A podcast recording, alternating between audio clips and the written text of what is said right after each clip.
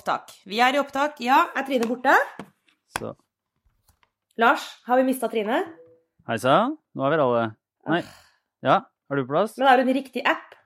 Eller er hun app Eller Lars?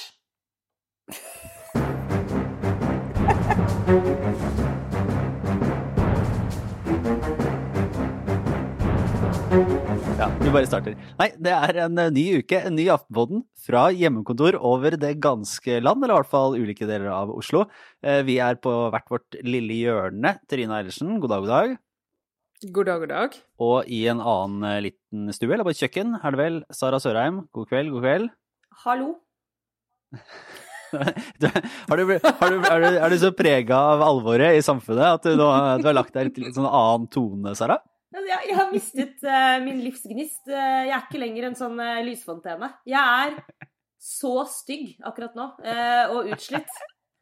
Oh, nei, vi skal jo, ja, vi skal jo gjennom ulike deler av ja, politisk utviklingen og samfunnsutviklingen og, og, og verden. Men vi starter jo i vårt lille selvopptatte hjørne. Vi har jo ikke helt klart å opprette en sånn videolink, til tross for at alle møter i disse dager foregår på, på sånne små skjermer, der du ser én person sitter med nesa fire centimeter fra det kameraet, og noen andre sitter høyt oppe i et hjørne. Eh, men vi er på gode gammeldags, eh, om ikke telefon, så i hvert fall sånn eh, bare pratingkjøret. Så jeg lurte litt på, etter en uke nå innelåst, mer eller mindre, eh, dere har vel kanskje vært ute noen turer, hvordan har dette nye samfunnet prega dere? Da føler jeg at du må begynne, Sara. For du, jeg opplever deg som mer preget. Jeg eh, Du tror, du, du tror jo du har hatt korona, ikke det så? Jeg tror jeg har hatt korona, ja. ja. Men eh, det kan være sånn innbilt uh, svangerskap, rett og slett. Men jeg tror jeg hadde det, jeg tror jeg har hatt det, og jeg tror jeg har hatt det uten helt skjønne at jeg har hatt det. Men det er mulig, men mulig jeg, det er derfor jeg føler bare at Jeg leser sånne råd som er sånn Selv om du har hjemmekontor, husk å stå opp, ta på deg jobbklær, ta på deg sminke, lat som det er en vanlig dag. Og jeg er bare sånn Sayonara verdighet. Altså, herregud. For jeg jo, er jo også mor og, og, og, lærer da, i første klasse, og um, barnehagepedagog eh, og nyhetsredaktør. Det er litt sånn Hva skal vi si? Det er mye som skjer. Så det derre video Det er videomøtene Altså, hele eneste trøsten min er at de andre kollegaene ser like eh, herja ut. For det, det er ikke bra. Altså, hvis, altså, før sa man 'the camera adds eh, five pounds' liksom, på TV. Nå er det bare sånn Kamera fratar deg din ungdom. Uh, oh, ja. ja. Du går over i risikogruppa, for å si det sånn. Ja. Men ja. Jeg kan, jeg kan bare opplyse om at jeg har nå gått inn i et modus som vanligvis er forbeholdt menn som er anklaget for seriøs seksuell trakassering, eh, eller har gjemt seg på en øde øy. For nå har jeg da Jeg har jo kombinasjonen av hjemmekontor eh, og jeg har jo ikke pappaperm, men jeg er jo da hjemme med eh, min samboer som er i mammaperm, og eh, den lille babyen. Det er mye pysjbuksekrefter som trekker meg i den retningen, og nå har jeg pådratt meg den ska skammens eh, sånn skjeggvekst som er det du får når du går eh, Når du ikke ser mennesker på mange dager, og Jeg du er mann, og så bare lar du det gå. Ja. Jeg har sett deg, Lars. Eh, Vi kan fortelle at vi overleverte en mikrofon til hverandre på perfekt smittevernvis. Du satte den fra deg, og jeg gikk og henta den etterpå. Men eh, jeg så deg jo på avstand.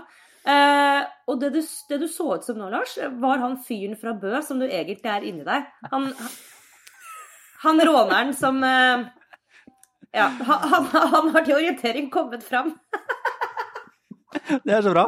Nå har de for øvrig lagd en serie på NRK om rånemiljøet i Bø i Telemark, så det er helt magisk. Det skal, jeg, det skal jeg sluke når jeg er ferdig med det greiene her, for det hadde jeg ikke funnet ut før liksom for ti minutter siden. Så jeg er så fornøyd. Nei, men det er veldig fascinerende. Der, jeg vet ikke helt om jeg kan forklare hele psykologien bak det der uh, håpløse skjegget som menn får enten i pappaperm eller uh, sånn lange ferier, eller Ja. eh, når de har gått på en smell. Men, Eller eh, når de der- har uh, havnet i metoo-grøfta. ja, det er, det er et eller annet med den derre eh, Ok, nå er det en sjanse. Det mellomstadiet ser ofte ganske jævlig ut, men kanskje jeg kommer ut på andre sida som en kjekk mann med skjegg. Eh, og det svaret er jo oftest eh, nei, det gjør du ikke. Don't go there. Nei. Men Trine- eh, Trine, da? Ja, Nei, Trine hun, hun sitter jo her inne på et soverom og har hjemmekontor. Men jeg har også vært nede i Akersgata 55 et par turer. Og der sitter jeg på et lokale som vanligvis rommer 150-60 mennesker. Der sitter jeg og fire til.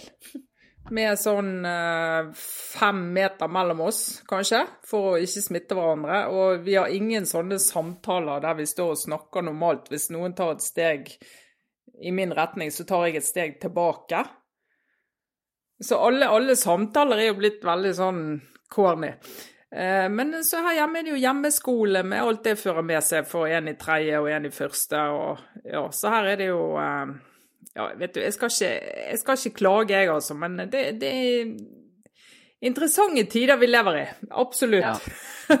Jeg tror Vi fikk jo kritikk her i forrige podkast på ikke mye, men eh, vi tar jo alle meldinger vi får til oss, selvfølgelig, ja, om at vi tok litt for lett på denne krisa. Ja.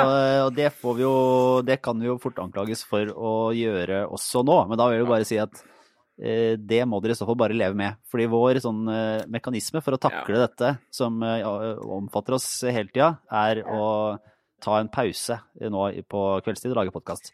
Ja. Så vi håper at Og så må, må, jeg si, i går så hadde jeg et sånn videomøte med syv venninner. Hvor vi tok et glass vin og snakket sammen på video, rett og slett. Eh, og er jo alle sånne eh, damer på hjemmekontor med unger og sånn. Det var jo galgenhumor herfra til evigheten. Det er sånn vi håndterer det. Det er liksom Folk konstaterer at vanligvis så sier du til ungene du må ikke sitte så mye med skjerm, du må ikke game så mye. Du må komme deg ut og være med kamerater. Og nå sier du ikke gå ut og være med kamerater, sitt inne. Game, game, game.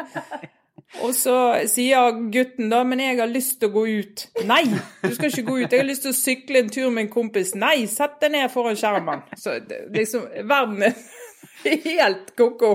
Og det, hvis ikke vi kan le av det, så tror jeg ikke vi Da holder vi i hvert fall ikke ut. Men det, er, det er to ting jeg har lurt på her, egentlig. Det ene var uh, Hva tenker du, Trine, om sånn digital sosialisering?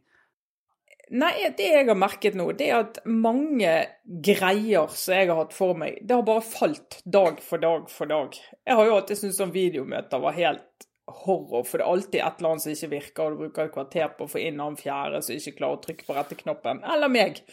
eh, men nå, nå, er vi jo bare helt sosialisert inn i det. Det er sånn det fungerer. Og nå når liksom hun ene foreslo i går skulle ikke møttes på liksom video i kveld, så tenkte jeg eh, jo! det, det, det, skulle vi. Men det er helt magisk, ja. Du, du, blir jo helt Alt blir Altså, den digitale kompetansen i nasjonen er jo på vei rett opp. Men det her var jo veldig hyggelig og, og veldig, veldig, fint å dele litt om livene våre. Men det skjer jo enormt mye fra start til slutt i disse ukene. Ja. Så når vi Altså fra, ene, fra den ene podkasten til den andre, så føler jeg verden er på et helt sånn annet sted. Ja. Og, ja, altså Du føler jo at alt du mente i forrige uke er helt utdatert etter en uke.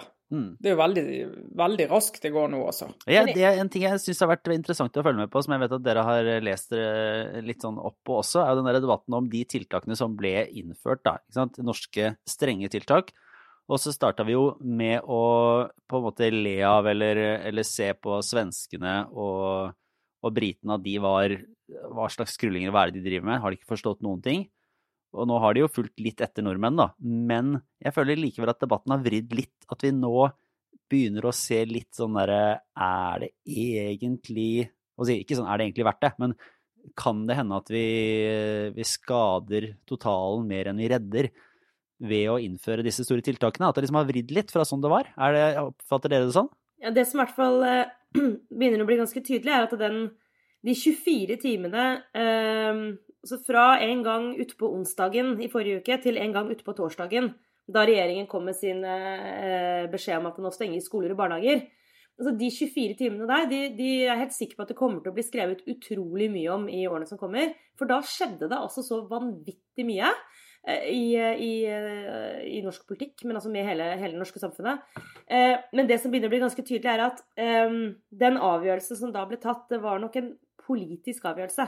Og om det er bra eller dårlig, er for tidlig å si. Men at til syvende og sist var det, var det politisk ledelse i dette landet som måtte ta en avgjørelse. Og da, da kommer du på en måte til et visst punkt med alle de medisinske rådene du kan få. Men så må du til slutt bare ta, ta et valg. Og da, og da, ble det valget som eh, norske myndigheter tok, et annet enn det de tok i Sverige. Og, og, jeg mener det ville vært helt hårreisende om jeg skulle forsøke allerede nå å si noe som helst om hva jeg tror var riktig eller ikke riktig å gjøre. Men, men det er bare veldig interessant at det finnes ikke en fasit her. Det finnes ikke en, en allmenn, altså en anerkjent eh, måte å gjøre dette på.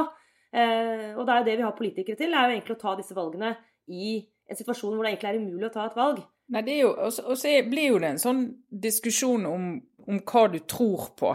Uh, og, og hvis, altså, Selv om vi tror jo på vitenskapen og på tall og på dataene, så er jo det et nytt virus, så du kan jo ikke vite nøyaktig hvordan det går. Det er ufattelig mye usikkerheter rundt det. da.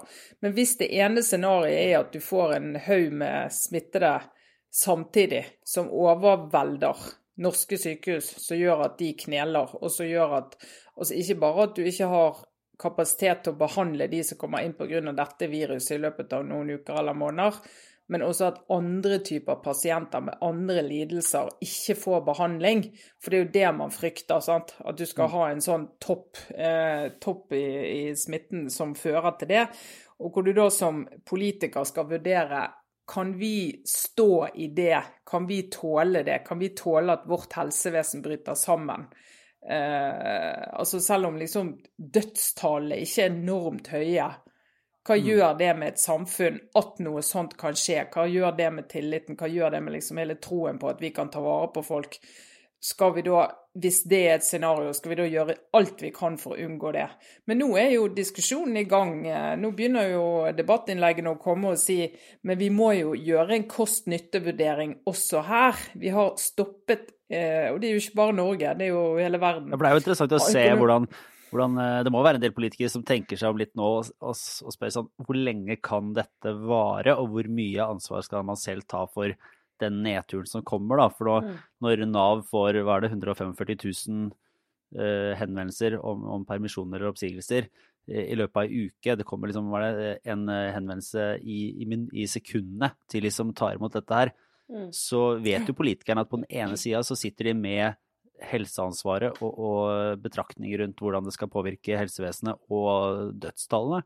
Og på den andre sida, eh, det er politikerne som til en viss grad styrer hvor lenge den økonomiske fullstoppen skal vare. Det er jo litt uvisst hva som skal skje om man løser opp igjen, men, men, det er jo et valg som på et tidspunkt må tas, at man skal begynne å liksom skru opp krana.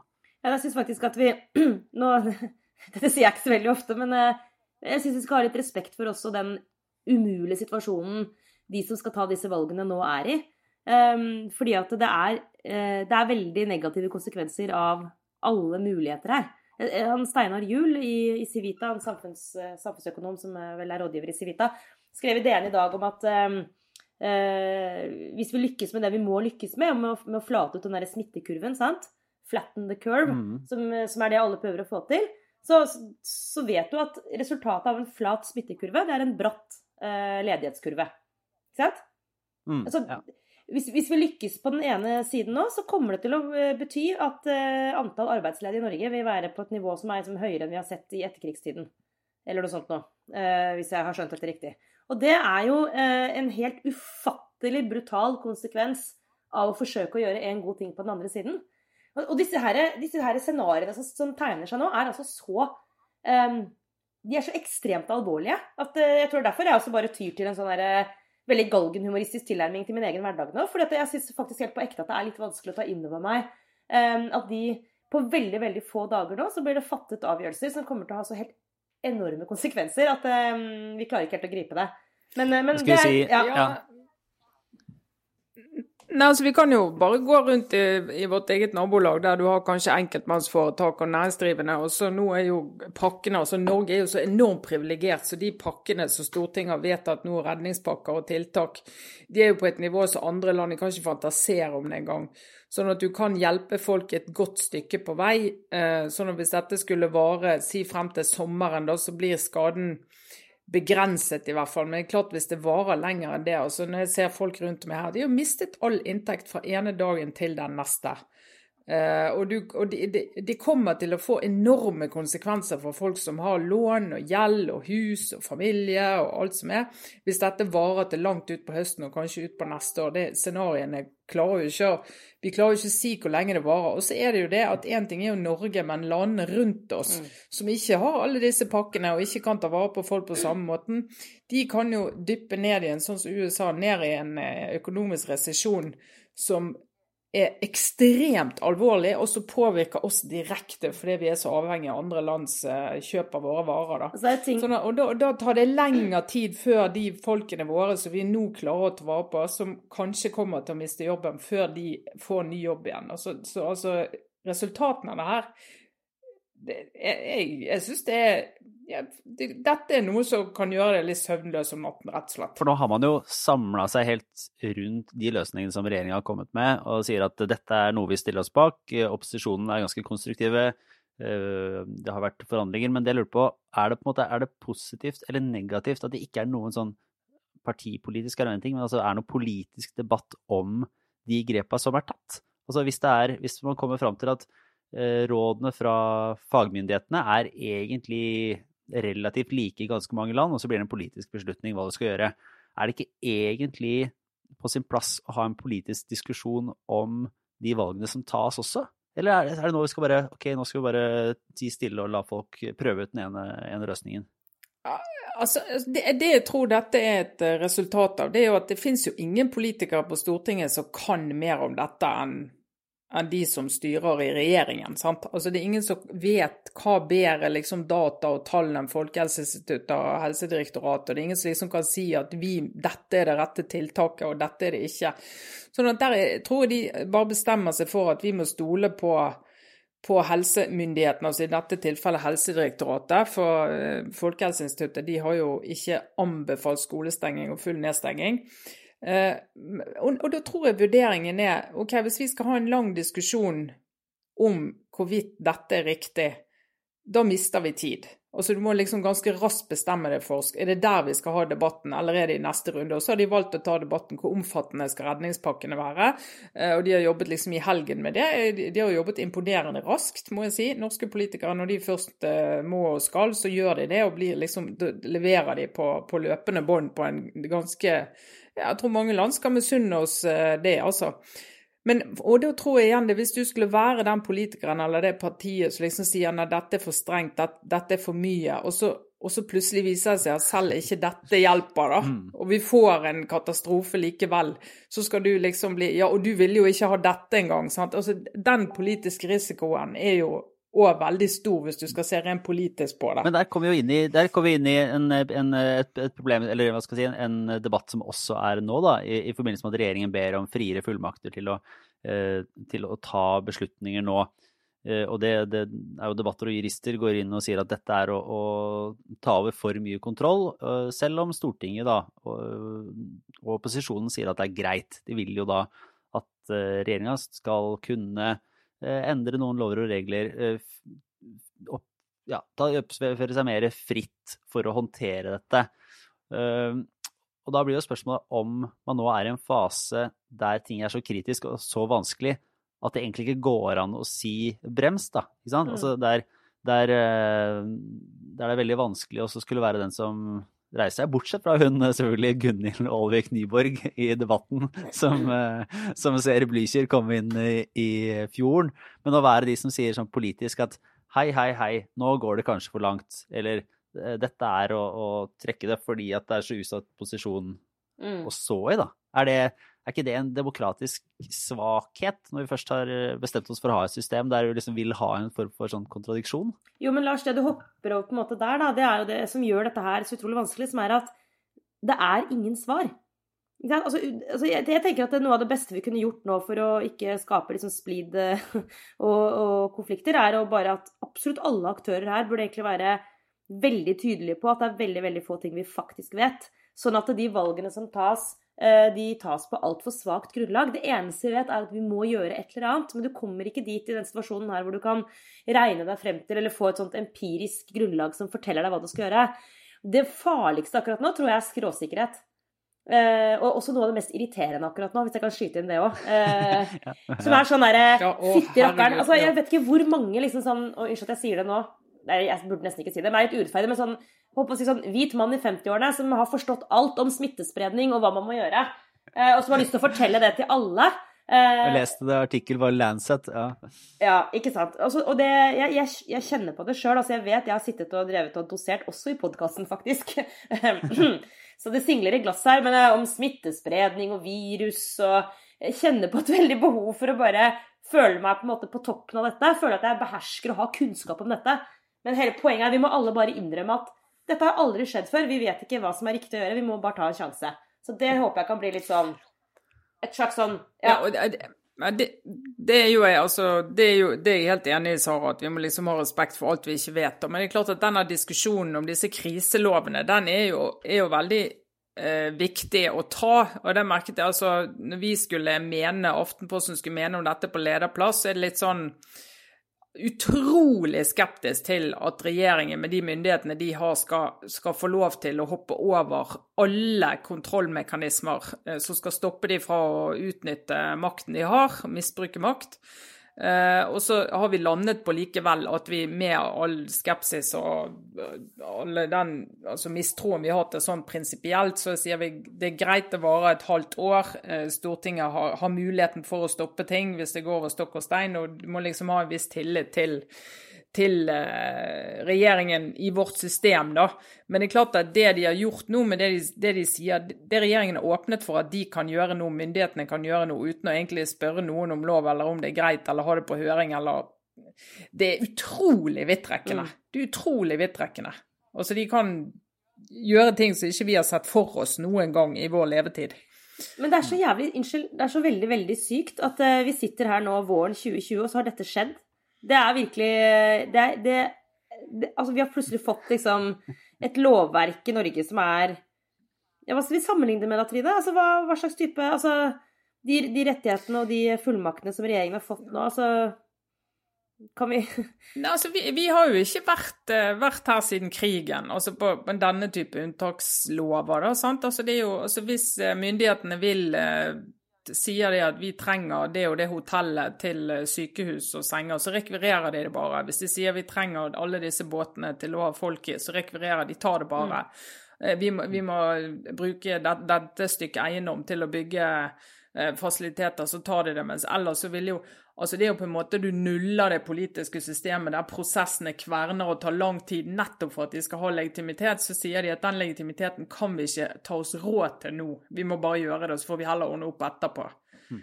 Det er, det er utrolig interessant. Jeg skjønner jo at jurister er skeptiske til at du inni dette kan det finnes rom? Én ting er de store sakene som eh, politikerne på Stortinget diskuterer, og som vi i mediene fanger opp, men det kan finnes rom inni dette som gir myndighetene lov til å gjøre ting som egentlig er eh, de ikke burde gjort. da. Mm. Hvis du skulle sett på det som har skjedd på Stortinget denne uka, da, Trine. Eh, hvordan ser du på prosessene rundt, rundt opposisjonens nå tiltak og utvikling av disse pakkene? Tror du vi nærmer oss eh, noe som faktisk vil eh, fungere, eller eh, blir, det, blir dette altså, liksom en hendelse som kommer igjen et par ganger i uka? Det kan godt hende, det er om på hvordan det utvikler seg. Men det som er, og der er jo Norge så privilegert at jeg tror ikke folk helt Altså, det er vanskelig å ta det inn over seg. For det er jo faktisk sånn at alle politiske partier har fått det de ville mm. i de pakkene. Altså Det er ingen som ikke har fått noe de var opptatt av. Så for å sikre konsensus rundt de, så har de bare sagt det er greit, vi, vi bare Alle får. Alle får. Og det er jo helt fantastiske eh, altså, pakker og tiltak og utsatt skatt og eh, permitteringsregler og alt det er liksom sånn som du bare kunne drømme om. Eh, sånn at der, der, er det ikke konflikt, men det er klart det at du får litt sånn konflikt. Bør bedrifter kunne ta utbytte hvis de ellers gjør seg nytte av, av disse spesialordningene? Eh, skal de kjøpe opp Norwegian hvis de holder på å gå konkurs? Men det er egentlig saker som er veldig små i dette bildet. da. Mm. Så konflikten er jo marginal. Ja, Jeg snakket med litt forskjellige representanter på ulike sider i, i opposisjonen i, i dag, og det er, det er jo en sånn veldig sånn dugnadsfølelse. Og jeg tror det ansvaret som øh, Den ansvarsfølelsen de politikerne som er involvert i dette, har nå, er på en måte ulikt det de fleste har opplevd før. Det er en sånn derre Jeg tror vi er heldige som har politikere som, som tenker ganske godt igjennom hva de er inne i, og ikke bruker det her til til en måte politisk spill utover å selvfølgelig kjempe for sine hjertesaker, men det er jo en ærlig sak. å og mene at det man syns er viktig i samfunnet generelt, er noe man burde gjøre mer av nå. Selv, og det, det, følger jeg deg på, Lars, men det har jo vært eh, ganske harde forhandlinger. Eh, så det er ikke som at alt har sklidd gjennom som eh, varm kniv i smør. Altså, forrige, altså Nå i helgen så satt de jo Eh, på Stortinget. Og, og, og, Du må ikke glemme at Siv Jensen var ganske krass og, og, tydelig, kan man trygt si, eh, da regjeringen kom med sitt forslag til den første krisepakka. Så det foregår jo helt, helt reelle forhandlinger, men det går fort. Eh, og de kommer raskt likevel til enighet, og, og samlet politisk Altså et samlet storting viser handlekraft, da. Det tror jeg vi skal være ganske takknemlige for. Ja, Så ble det jo sagt der av noen at det virka litt som om regjeringa hadde glemt at de ikke lenger var en flertallsregjering. Eh, da de kom til Stortinget med noe som eh, ble oppfatta som en slags eh, bestilling eller liksom informering. Og så må de innfinne seg med at i motsetning til den rød-grønne regjeringa under, under, finanskrisa, og, og så, så, er det ikke noe sånn derre du kan ikke ta alle beslutningene i regjering og så si hvordan det blir til Stortinget. Og Nei. Stortinget ga vel også beskjed om at dette her kan vi faktisk tvinge gjennom ting uten at, altså mot deres vilje, og, og, og sto nok hardt på det. Men da, da, er det jo en fornuft da i eh, forhåpentligvis i, i, alle partier som tilsier at ok, her, da bør vi kanskje finne sammen og kunne stå sammen, istedenfor å gjøre det til en, en stor partipolitisk strid. Mm. Og, og det, det, mener jo de har fått til, da. Men det er jo helt riktig det Sara, at det har vært, eh, vært eh, heftige forhandlinger, og det skulle egentlig bare mangle. Men så må jo jeg si da, oppi det hele, at eh, Monica Mæland, som nå er justisminister nå, ja, nå vet jeg, nå kan det komme nå, to, det to ting. Jeg, jeg ja, og det kommer, det kommer, to ting. Det ene er selvfølgelig at hun i går ble avslørt at hun sto på sånn eh, videopressekonferanse eh, hvor hun bare ble filmet fra livet opp, og vi ser hun hadde filatøfler på seg under det. Det ble jeg jo veldig glad av. Jeg kjenner at jeg elsker Monica Mæland nå, pga. de fila De der uh, slippersene som heter der jeg kommer fra. Fila slippers. Ja. Altså, dette forfallet gjelder oss alle. Jeg vil ikke bli satt død i sånne tøfler noensinne. Det må jeg bare si. Men eh, det, det var bare veldig nice. Og, men det andre er at Monica Mæland er jo kjent henne som politiker i 20 år. Jeg er glad det er hun som har den jobben nå. Ja. Hun er en sånn no nonsense-dame. Uh, hun er en justisminister, hun er jurist. altså Hun er justisminister så liksom Nå kommer, nå kommer egentlig hennes type politikertype til sin rett, da. Mer enn det har gjort i de andre departementene hun har vært. Veldig tydelig og veldig ryddig og veldig sånn kan politikken og kan Stortinget og kan alt sammen, liksom. Skal vi våge eh, oss på den påstanden, Trine, om at eh, hun er hakket over de Hvor mange er det? Syv forgjengerne hun har hatt. Eh, så aldri så galt. Ja, altså, det, er jo, det er jo et par av de, da. Hvis du skulle sett for deg si Per-Willy Amundsen i denne situasjonen. Ja. Jeg er ikke sikker på at det hadde vært lite tillitvekkende, for å stille et litt retorisk spørsmål. Hvis jeg skulle sende en annen liten sånn blomst, så nå, nå bare nå, det, er jo så mye har jeg Jeg har bare sett han, Hva heter han som stadig er fra Helsedirektoratet? Han eh, Er det Nex... Gullvåg? Nei, ikke Gullvåg. Han eh, nå som er han eh, Nekstad eller Nestad eller et eller annet. Er det en av de som ikke er i karantene? Ja, en av de som får komme ut. Og da, ja, det var, dårlig, det var litt sånn dårlig ros da, når jeg ikke helt husker hva han heter. Men uh, han er, bare, så flink på de pressekonferansene til å snakke som et, sånn, et ordentlig menneske og være litt sånn tydelig uten å virke oppstylta. Og det, det gir også litt, sånn der, litt tillit i den uh, veldig, veldig uoversiktlige situasjonen. Å ja. ha folk som er ganske gode til å, til å stå på pressekonferanser og, og, snakke på en måte som virker ekte, da. Hvis vi kan tillate oss nå å ta en liten tur ut i det helt irrelevante igjen, så, så apropos det, så, så, er det jo også dette med at folk jo havner i karantene eller på en eller annen måte ikke kan være på jobben eh, stadig vekk. Eh, så eh, han Bjørn Gullvåg, så jeg syns har en veldig tillitsvekkende også sånn måte å være på. Jeg, jeg, må bare si at jeg tenker at vi har gode folk som tar disse avgjørelsene, og jeg har sånn tillit til til at her er det, her er det Her tenkes det smart. Men jeg vet ikke om dere så på, på debatten Da han var med på debatten fra sitt, hva det nå var, kanskje hjemmekontor, så så ut som han kom inn fra en sånn eh, TV-serie på 1800-tallet. Fra et sånn vanvittig herskapelig ja, ja, ja. hjem. Eventuelt fra en sånn Toppen Beck-episode. så, så, jeg kjente at jeg ble altså så ufattelig nysgjerrig på, på en måte Bor du på et slott? Eller Altså, ja. Hvem er du, Bjørn Gullvåg? Altså, jeg ble helt ukonsentrert, fordi uh, vi fikk et sånt glimt inn. og Han er superproff og, og bare kommenterer dypt alvorlige påstander i, i denne debatten.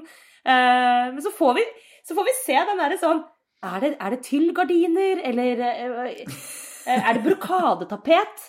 Uh, og det, midt oppi det hele er en liten sånn, liksom søt uh, og litt Ja, men det er veldig, ja. det er veldig fint det nå i, i, disse tider å se på, på TV-sendingene, for man kommer litt sånn hjem til folk og ser ja. den derre Å ja, det er stua til den, stasen. Ja, sånn har de det der. Ja, ja.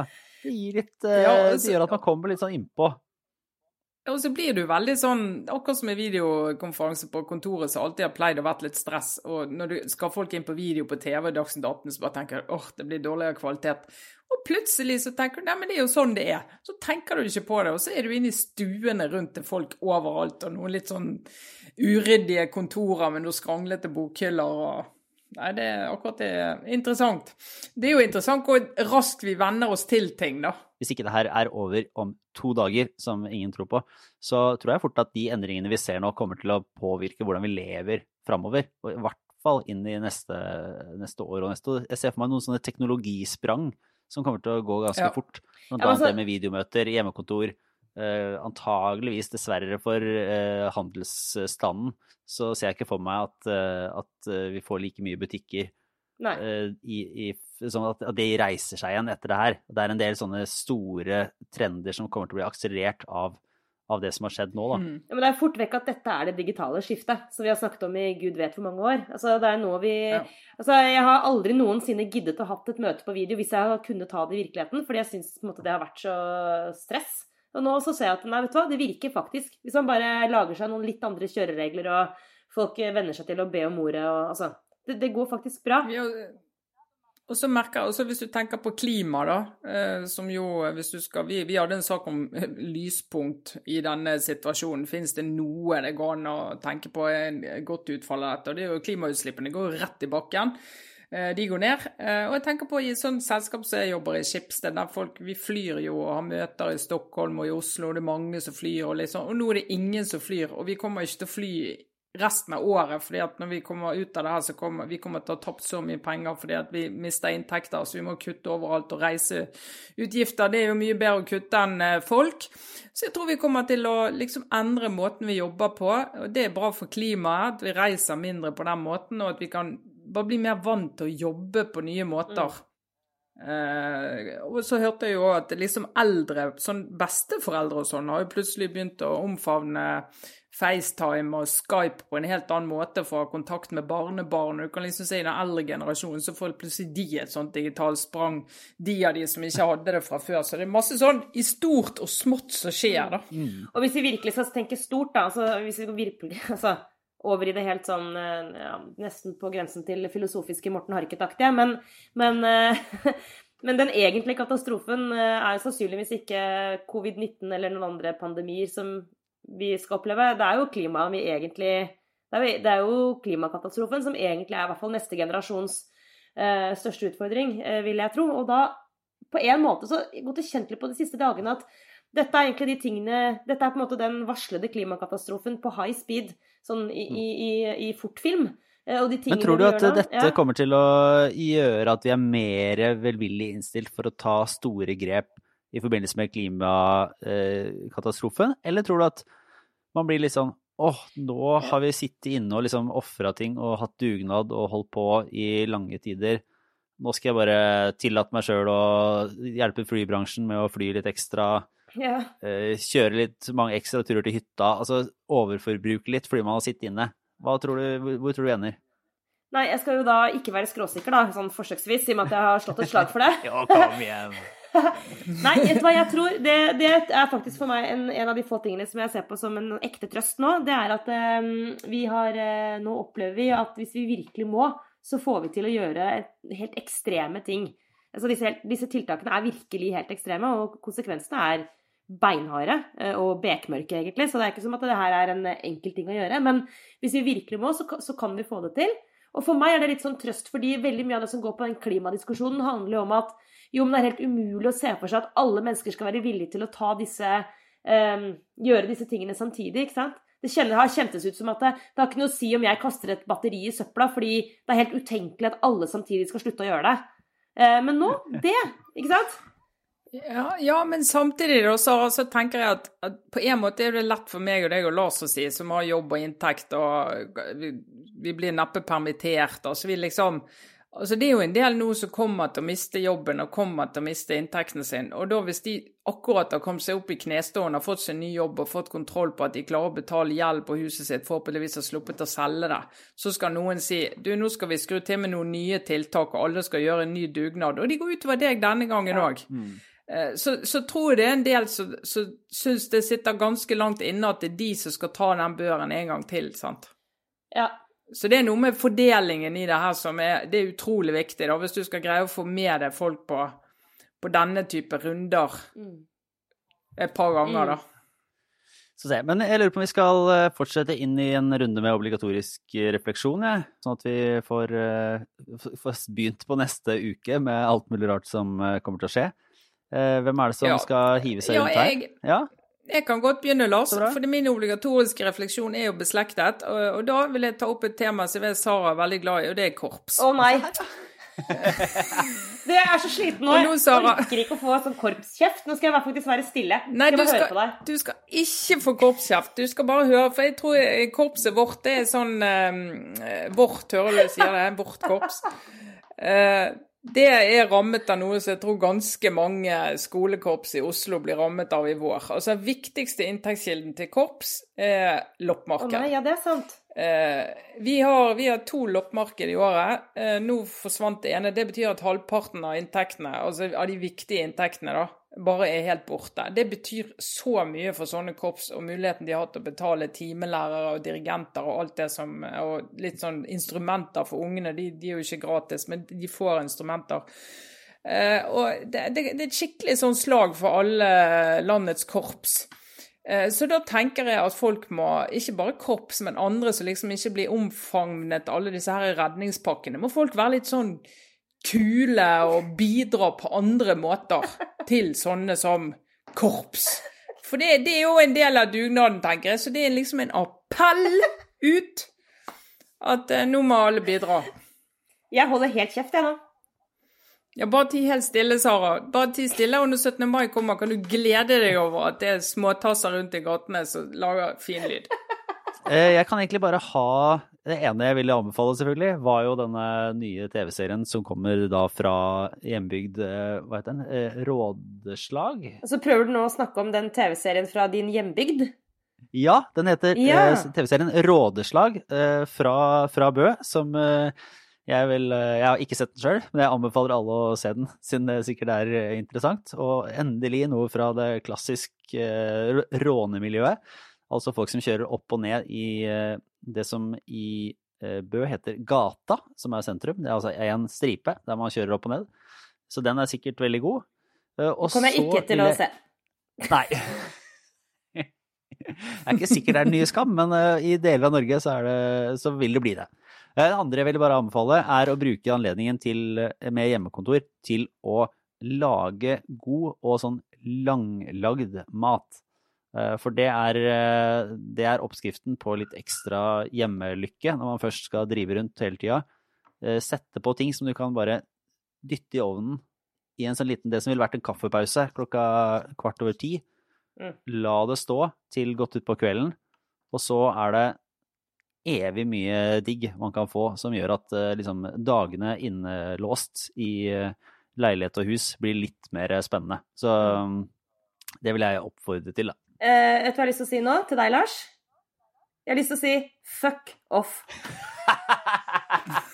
altså, ikke påfør meg Ikke påfør meg mer sånn derre skam over Altså, det er ingenting som virker her i dette huset. Altså, det er helt Jeg kommer ikke til å lage sånn økologisk eh, kyllinggryte. Sånn langkokt kyllinggryte. Eh, det, det, skjer ikke. Eh, takk Gode gud for Fodora, som vi har her innenfor Ring 2. Eh, Uten det så hadde Men, jeg mine barn spist ris. Uh, ja, for det, det er jo ja. selvfølgelig det jeg kompenserer for, da. At jeg, jeg, prøver å rette opp. Altså, I livet mitt så har det skjedd veldig veldig mange ting. Jeg har flytta ut, altså ut, av byen, jeg sier jeg bor på Bekkelaget, liksom. Eh, så det er to stopp ut av sentrum på trikken. Men Og fått barn og, fly, liksom, og flytta, og utafor Foodora-ting. Og jeg sitter innelåst på hjemmekontor. Jeg, dette, jeg må gjøre mange ting for å, for liksom, for omfavne nye livet. Og når jeg ikke kan bestille god mat, så må jeg nesten begynne å lage det. det er, altså, jeg ser hvor det kommer fra. Ja, når du har flytta ut av Fedora så får du klare deg sjøl der ute i villmarka. Men, eh, men eh, jeg, jeg, vil bare si at eh, jeg har aldri noensinne irritert meg mer over folk som deler på sosiale medier sånn Så flott med endelig tid til å rydde i boden. Men egentlig så mener jeg ikke å være sånn hatsk og, og kjip. Det, altså, jeg unner alle å få det beste ut av dette. Jeg unner deg å spise den gode gryta, Lars. Men du ikke, Du må ikke, backe ut nå, Sara. Du må, du må stå for deg. Jeg mener, det, Sara, dette må du stå i. Ja. For jeg tror du er et viktig talerør for de som ser liksom de der eh, når du sjøl sitter der, og så får du sånn mail fra læreren 'Ja, jeg ser du ikke har levert noen oppgaver i dag.' Og bare tenker 'Ja, og når skulle det skje?' Ja. Det er sånn eh, ta så undervis den ungen sjøl på FaceTime, for det, det, her går ikke. Men uh, da kan jo jeg legge på min lille, min lille bønn, da, Trine. Jeg har, jeg har en ja. anbefaling etterpå også, men jeg har også en sånn OR-aktig bønn. Og det er um, Vær så snill og møt oss med den med ettervekst, med varme og kjærlighet. og bare for å avslutte der vi begynte, i selvsentrerthetens eh, ånd, så hadde jeg frisørtime på fredag. Altså ikke nå, ikke i morgen, eh, men forrige uke. Altså den første dagen med karantene hadde jeg en frisørtime, allerede litt sent. Så at det, Um, ja, så det her Vi kommer til å bli en gjeng med folk som går rundt med ettervekst og sånn, halv, sånn utvokste bobber. Uh, og det bare og, og, det, sånn er det, og jeg, det skal jeg stå i. Men jeg vil bare si at uh, når dere ser oss komme gående, så bare um, vis litt varme omtanke. Ja. ja. Vær raus. Tenk, hun er egentlig pen. Ja. Vi pleier egentlig å betale veldig mye penger for å være litt penere. Ja. Og det er sann, sannhetens øyeblikk de neste ukene, altså. Ingen tvil om det. Eh, det andre er egentlig bare en anbefaling. Eh, helt kort, men hvis dere orker, eh, så er jo den Pandemic på Netflix nå. Som... Nei, den begynte jeg å se på, så vet du, da blir du jo helt nedstemt. Kan ikke sitte og se på sånt. Ja, men den er jo ganske bra, da. ja, men vi sitter jo midt i en pandemi. Du kan jo ikke sitte og grave deg ned. Da må du jo se på, du må se på Vikingene eller et eller annet sånt gøyalt på NRK. Okay, for... Du kan jo ikke bli enda mørkere til sinns når du skal ta kveld. Altså, jeg minner om at jeg, to, jeg har sett to serier denne uka. Det ene er Pandemic, og det andre er den derre Scandinavian Star-serien. Det er litt på et dårlig sted. Ok, vet du hva, jeg skal snappe ut av det. Jeg trekker tilbake. Vet du hva? Ja. ja og da, vil, da må jeg få, siden jeg nevnte Vikingene, la meg få lov å anbefale Vikingene, da. Og så kan jeg anbefale eh, en digital eh, løsning som, som, eh, løser alle problemer med ensomhet. Det er å melde seg på eh, nyhetsbrevet til Aftenpodden på aftenpodden.no, ja. der vi eh, i dag, torsdag, sendte ut en uh, ukentlig politisk quiz som man kan eh, på en måte stille Man kan da ringe opp noen man kjenner, og så eh, spørre folk eh, den ukentlige Aftenpodden politiske quizen. Og så får vi se om vi fortsetter med en såpass liksom ti spørsmål helt ut av eh, pandemien. Men enn så lenge så gjør vi vårt for å gi litt hjernetrim og underholdning og mulighet til å koble seg på andre, da via disse fantastiske digitale hjelpemidlene. Men uh, det, det, er vel alt det vi har denne uka her? Det var ikke så helt lite? Nei, det var ikke helt lite. Nei. Nei. Men uh, det hjalp for meg, i hvert fall. Ja. Om ikke annet så var det i hvert fall en fin time i gode vennerslag. Ja. Uh, ja. uh, ja. Tusen takk for praten, folkens. Og så er vi tilbake ja. neste uke og holder trøkket oppe. Veldig, veldig hyggelig. Det var Aftenpåten. Det gjør vi. Trine Eilertsen, Sara Sørheim, jeg er Lars Klomnes. Ha det bra.